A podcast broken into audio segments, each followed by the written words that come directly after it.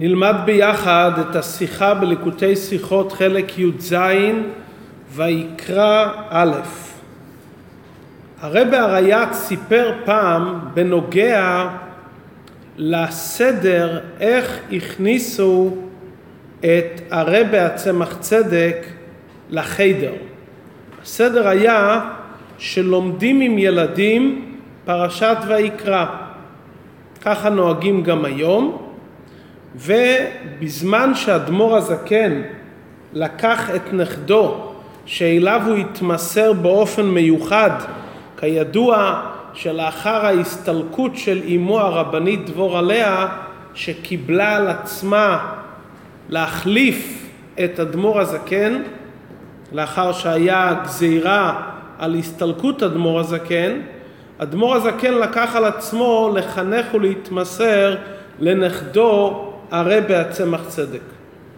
את השיחה שאנחנו לומדים עכשיו דיבר הרבי ביום ההילולה של הרבי הצמח צדק בשנת המאה להסתלקותו.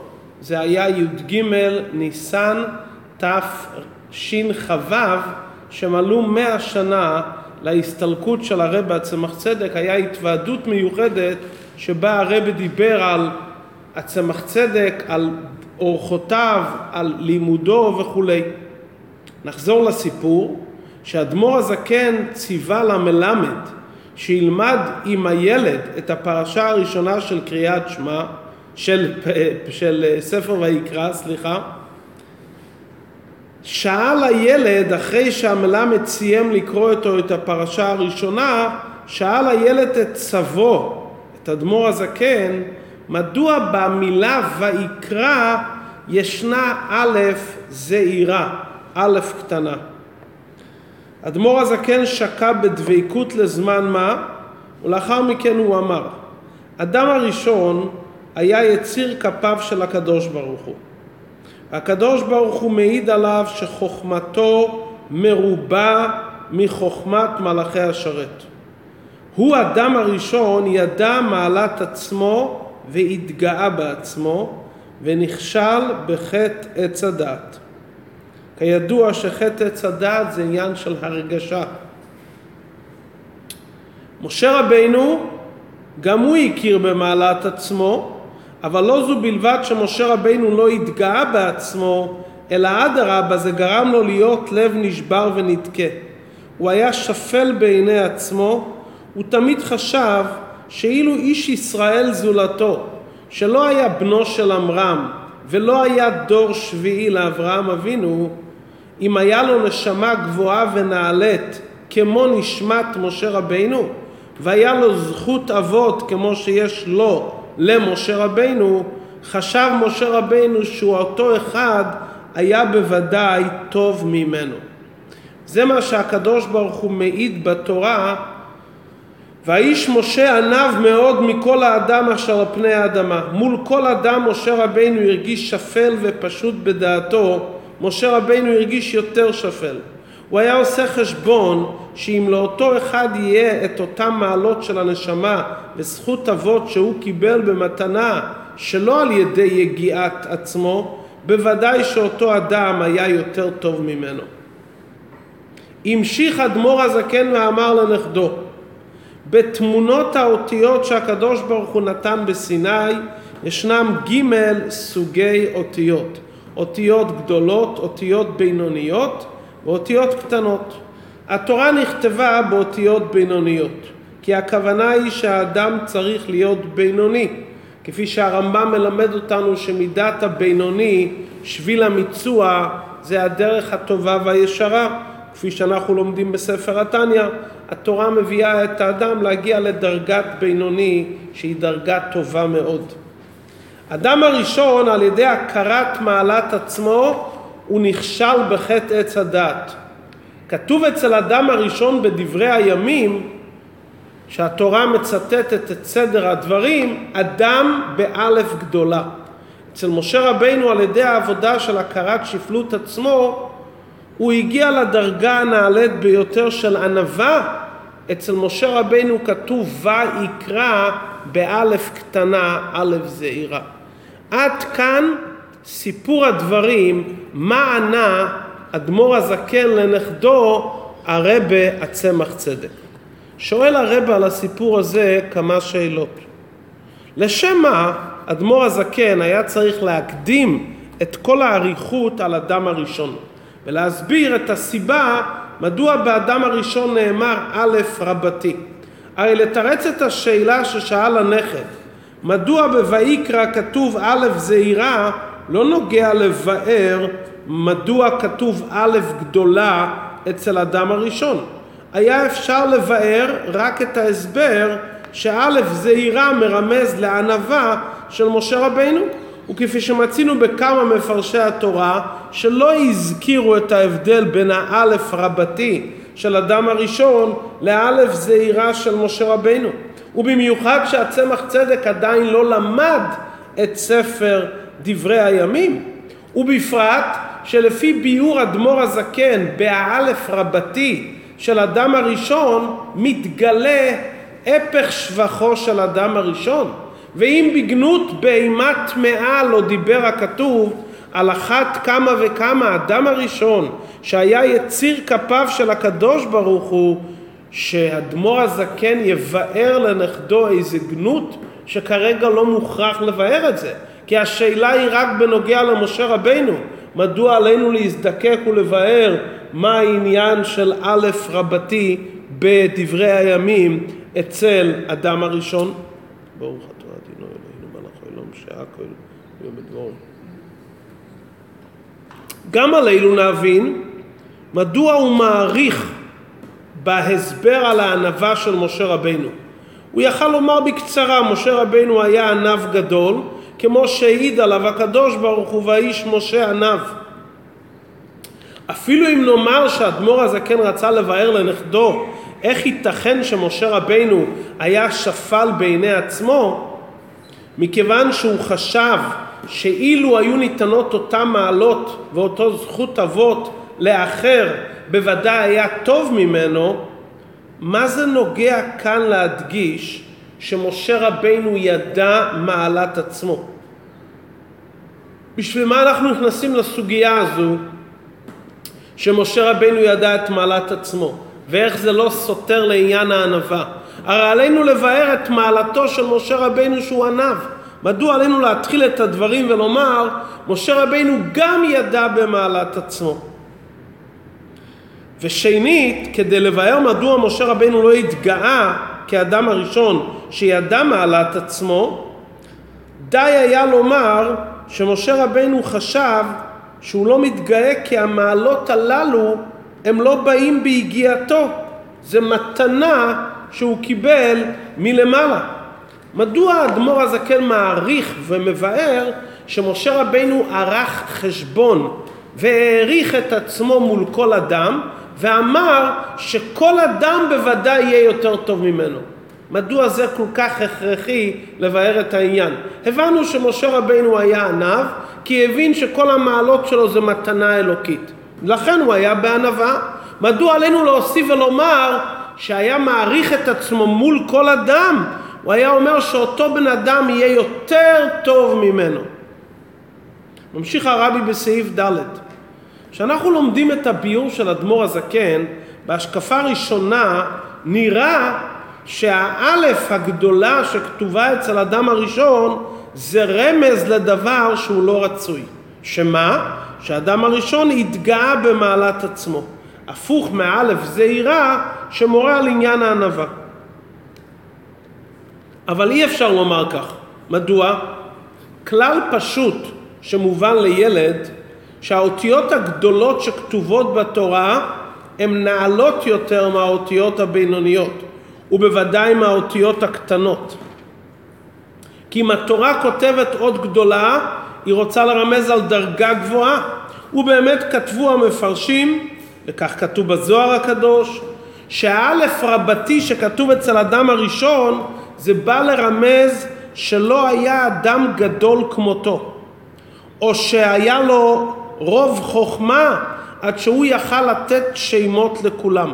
ואדמו"ר הזקן עצמו כותב בליקוטי תורה שההבדל בין האלף של ויקרא לאלף של דברי הימים כי אדם הראשון היה נעלה גם ממשה רבנו.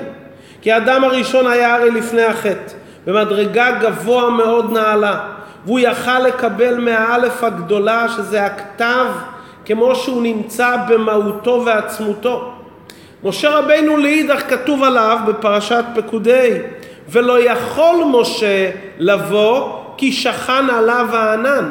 הענן היה ממקום עליון ונורא מאוד, דרגה של כתר, ומשה רבנו לא יכל להיות כלי לזה, לכן כתוב ולא יכול משה, ולכן נכתב אצל משה רבנו א' זעירה, כי משה רבנו מה התגלה אצלו? אור אלוקי רק על ידי הצמצום, רק על ידי הענן. כלומר, אדמו"ר הזקן עצמו מבאר שהאלף של אדם הראשון הוא יותר נעלה. כלומר, בהשקפה הראשונה נראה מהסיפור שהסיפור בא לה, לסתור שהאדם הראשון היה במדרגה נעלית ממשה רבינו. וזה רמז לא לכישלון, אלא אדרבה, לאדם הראשון איך שהוא היה לפני החטא. אז ממה נפשך? מה רוצים לבאר שמביאים את העניין של האדם הראשון?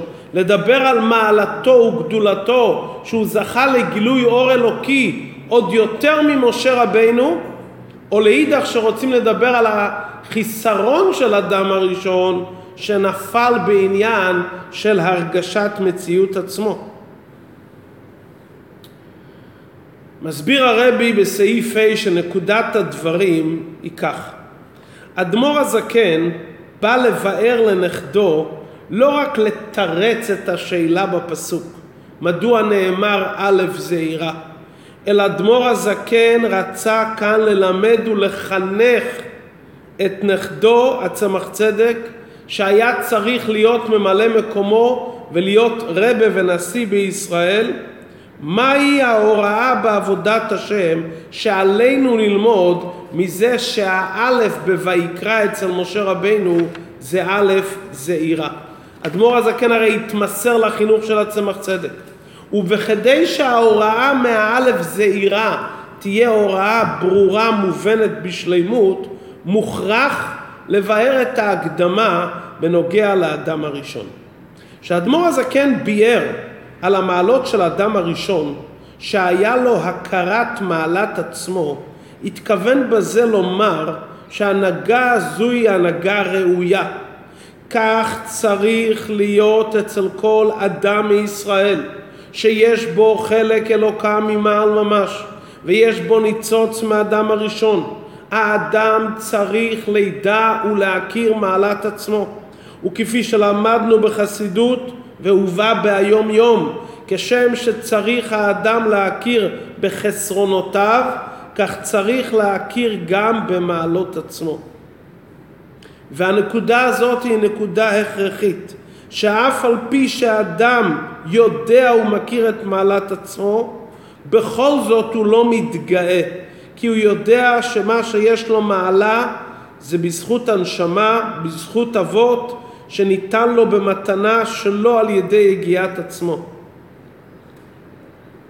וכמו שמשה רבינו ידע מהמעלות שלו, ובכל זאת הוא היה ענב מאוד. דווקא מי שמכיר במעלת עצמו ויודע את מעלת עצמו כנדרש, דרוש ממנו תנועה של שפלות וענווה מכל האדם.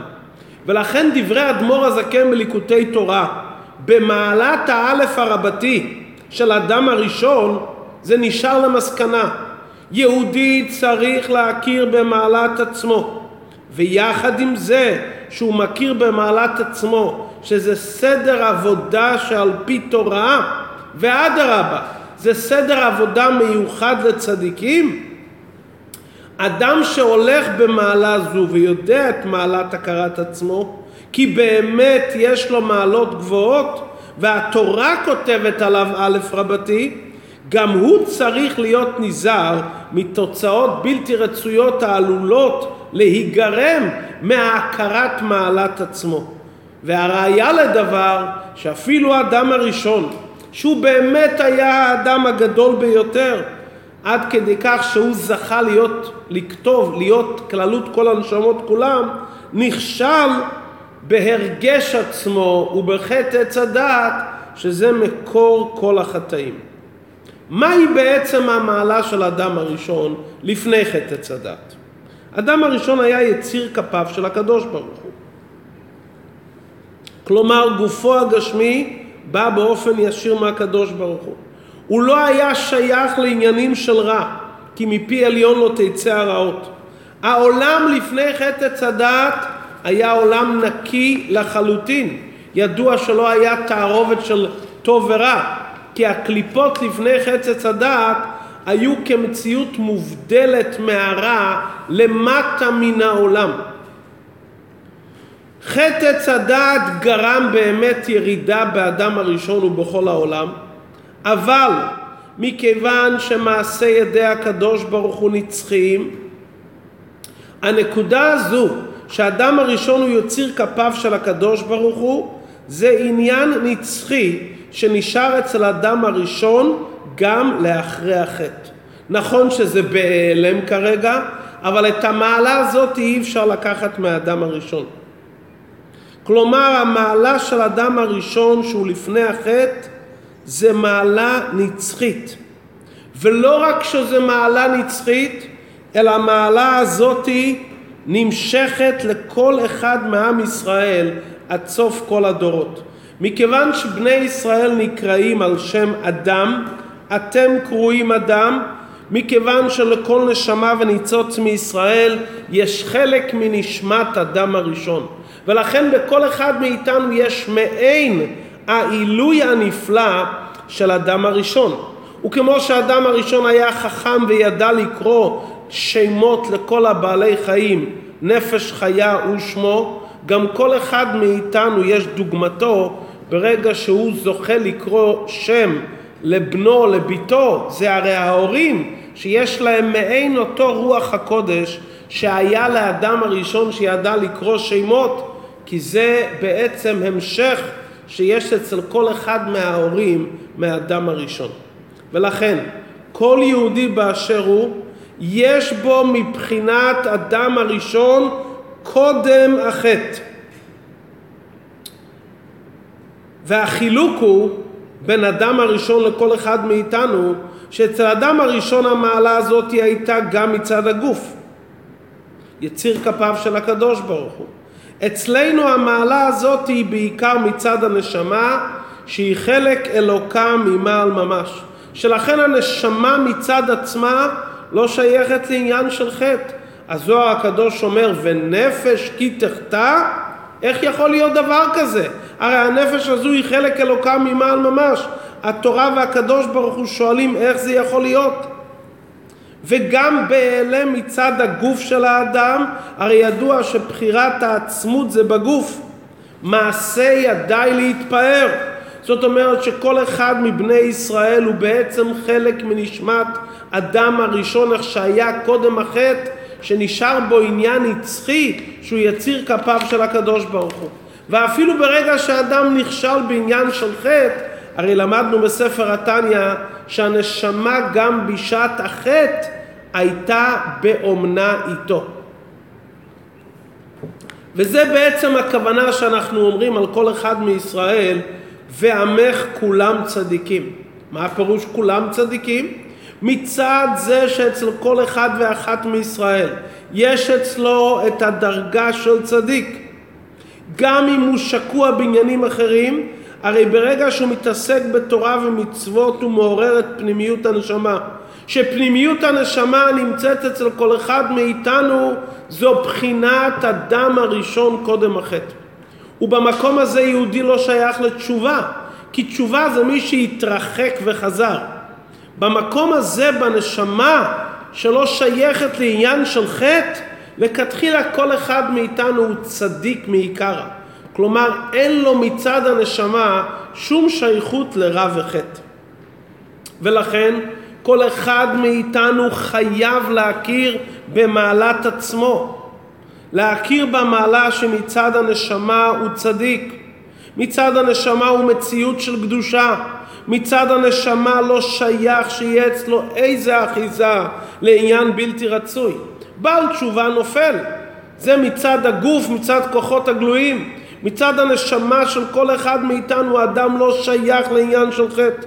והאדם צריך להכיר בזה ולהתבונן בזה, שמצד נשמתו הוא כמו האדם הראשון קודם החטא. וכמה שהוא יותר יכיר בזה ויחיה עם זה, אז זה יגרום לו ל"ויגבה ליבו בדרכי השם". זה ייתן לו את הכוח להתגבר על כל העלמות והסתרים. אם אני, יש בי כרגע בחינת אדם הראשון, כמו שהיה קודם החטא, שהיה יציר כפיו של הקדוש ברוך הוא ולא היה שייך לעניין של חטא ללא שום אחיזה, אז בעצם יש לי תוקף אמיתי בנשמה שאני בדוגמת עניין של צדיק. ולכן צריכים לדעת את זה. זה חלק מדרכי העבודה שעוזר לאדם לא להיכשל, כי הוא יודע שבמהות שלו הוא אדם הראשון קודם החטא. יחד עם זה באה הזרה ואומרת לאדם, נכון שאתה מכיר במעלת עצמך, אתה צריך שיהיה לך גם הכרה בשפלות עצמך. מכיוון שאם לא תדע את שפלות עצמו, יכול להיות שיגרם לך חס ושלום איזו ירידה ונפילה. מי שלא בדרגת צדיק והרע שבו בתוקף, בוודאי שצריך להיזהר מתי שהוא מדבר על מעלת עצמו, כי בוודאי שיכול להתערב בזה ישות וכולי, כפשוטם של דברים. גם מישהו באמת במדרגת צדיק, גם הוא צריך להיזהר ולהישמר. ואת זה אדמו"ר הזקן רצה לחנך את נכדו. הוא הרי ידע וראה ברור שהנכד הזה יהיה צדיק ויהיה נשיא בעם ישראל. שצדיק מוכרח לדעת מעלת עצמו, וצדיק מוכרח להתנהג בהנהגה של ואתלך ברחבה. וישנם נשמות שהם צדיקים, כפי שלמדנו בתניא, ברת הצדיקים. אמר לו הסבא, תדע תוספת זהירות. אפילו האדם הראשון שהיה צדיק בנשמתו וכלל את כל הנשמות והיה יציר כפיו של הקדוש ברוך הוא כלומר שלכאורה לא היה לו שום שייכות לחטא ולא היה שום נתינת מקום ללעומת זה. בכל זאת ברגע שהוא הכיר במעלת עצמו ולא זכר את הנקודה של הביטול זה נגרם אפילו לא להיכשל בחטא צדת. בוודאי שכל צדיק רגיל צריך להיות מאוד נזהר בהכרת מעלת עצמו כדי שחס ושלום לא ישתמש בזה לצד שלילי.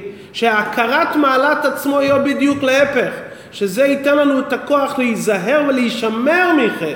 לא שהכרת מעלות עצמו ייתן לך את המעלה של מעלת עצמך. ולכן אדמו"ר הזה כן העריך בנוגע לענווה של משה רבינו. שנוסף לכך שמשה רבנו היה עניו מצד הנקודה שהוא חשב שכל המעלות שיש לו זה מתנה מלמעלה, זה עדיין לא מספיק.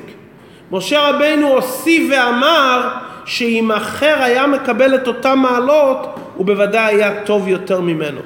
למה חשוב להוסיף את הנקודה הזאת? מכיוון שברגע שהאדם נמצא בתנועה של תוקף הקדושה, שהוא מכיר במעלת עצמו, הוא צריך מאוד להיזהר לא ליפול בישות. לא מספיק שהוא יהיה סתם בשפלות, הוא צריך להיות בקצה ההפכי לגמרי. מכיוון שהוא מכיר במעלת עצמו, הוא צריך לקחת גם את הקצה השני, ענווה וביטול בתכלית. מתי אנחנו יודעים שאדם נמצא בענווה וביטול בתכלית? זה שאדם אומר שאני לא, לא, לא בסדר, או שכל מה שאני קיבלתי זה במתנה אלוקית, זה עדיין לא מספיק. ענווה אמיתית, מתי שהאדם מחפש את המעלות של הזולת. אנחנו רואים בפועל, ישנם בני אדם שיכולים להיות בענווה וביטול. וגם אם מישהו מבטל אותם, הם יכולים לסבול את זה. אבל מתגנב להם מחשבה, אני באמת לא מציאות. אני באמת לא שווה כלום. אבל השני שמבטל אותי הוא עוד פחות מציאות. זאת אומרת, אני באמת מרשה לעצמי להיות בביטול, ולא רק מרשה, אלא באמת נמצא בביטול, אבל כשאני מסתכל על השני אני אומר, הוא עוד הרבה פחות ממני. במחשבה אני אומר את זה. זה לא נקרא ביטול וענווה אמיתית. שהאדם יהיה בביטול וענווה אמיתית זה צריך להיות דו צדדי. שאת עצמו הוא יראה כעין וכאפס, ויחפש למצוא בזולת מעלות שהזולת זה מציאות יותר נעלית ממנו. זה ענווה אמיתית. לא רק שאני עין ואפס, שאני מחפש את המעלות של השני שהוא הרבה יותר טוב ממני. וזה, בזה משה רבינו תיקן את חטא עץ הדת. חטא עץ הדת היה הרגש עצמו. משה רבינו, שהוא קיבל את התורה, באותו זמן פסקה זו המתן של חטא עץ הדת. התיקון צריך להיות בקצה השני לגמרי. מה התיקון? לא סתם ענווה רגילה שאני מרגיש שאני עין ואפס. ענווה כזאתי שאני משווה את עצמי לכל אחד מישראל ואני חושב באמת שאילו המעלות שלי היו ניתנות לאדם אחר, לא אולי הוא היה יותר טוב ממני, הוא בוודאי יותר טוב ממני. או, זה תיקון לחטא הדת. להכיר את מעלת עצמו זה מתנה, ולאידך להתבונן בכל רגע שאם השני היה מקבל את זה הוא יותר טוב ממני. זה סימן של ענווה אמיתית. הרגשה אישית בלבד שאתה עין ואפס זה לא מספיק. אתה צריך למצוא ולחפש שהשני יותר טוב ממך. מה ההוראה מזה אלינו היום? כל אחד מישראל יש לו מעלות נפלאות. ועלינו להכיר במעלות הללו, ושאדם ניצב בפני איזה אתגר של מצווה, ולפעמים האדם, היצר הרע אומר לו מי אתה, מי אני ומה אני, האדם צריך לענות אני אדם הראשון כמו לפני החטא ולכן יהיה מה שיהיה. אני כרגע רוצה להתנהג כמו אדם הראשון קודם החטא. כאילו שאני כרגע לגמרי למעלה מהחטאים. ואל תיתן לחישובים האלו מי אתה ומה אתה, הרי נפלת וכולי. לא. אני יכול לקיים את רצון השם בכל רגע נתון, כי יש בתוכי את בחינת אדם הראשון, קודם החטא, יציר כפיו של הקדוש ברוך הוא, שלא שייך לחטא וכל כולו תוקף דקדושה. זה צד אחד של ההוראה. צד שני של ההוראה, שעלינו לזכור שכל המעלות הנפלאות שיש לנו, שאנחנו כאדם הראשון קודם החטא מצד הנשמה, זה הכל מתנה מלמעלה. וייתכן שאילו היה ניתן מעלות אלו למישהו אחר, הוא היה יותר טוב ממני. ולכן אז גם הכרת מעלת עצמנו לא תגרום לנו הרגש של הגבהה, אלא אדרבה, תמיד אנחנו נישאר שפל בעיני עצמנו וענווה. כשיהודי נמצא בביטול וענווה כזו, הוא זוכה לגדלות אמיתית. הזוהר הקדוש אומר, מאן דאי הוא זעיר אי הוא רב. מי שבאמת מרגיש את עצמו כקטן, הוא הגדול ביותר. אדם שנמצא בדרגה של א' זעירה של ביטול, הוא זוכה שהשם יקרא אליו. וכפי שחכמינו אומרים, ויקרא לשון חיבה. הקדוש ברוך הוא קורא לו, קורא למשה שבתוכו, וזה הכנה לעניין הקורבנות בעבודה רוחנית, ובעיקר עבודת הקורבנות כפי שתהיה בתכלית השלימות, בבית המקדש השלישי, ששם נעשה לפניך את קורבנות חובתנו, כמצוות רצונך בקרוב ממש.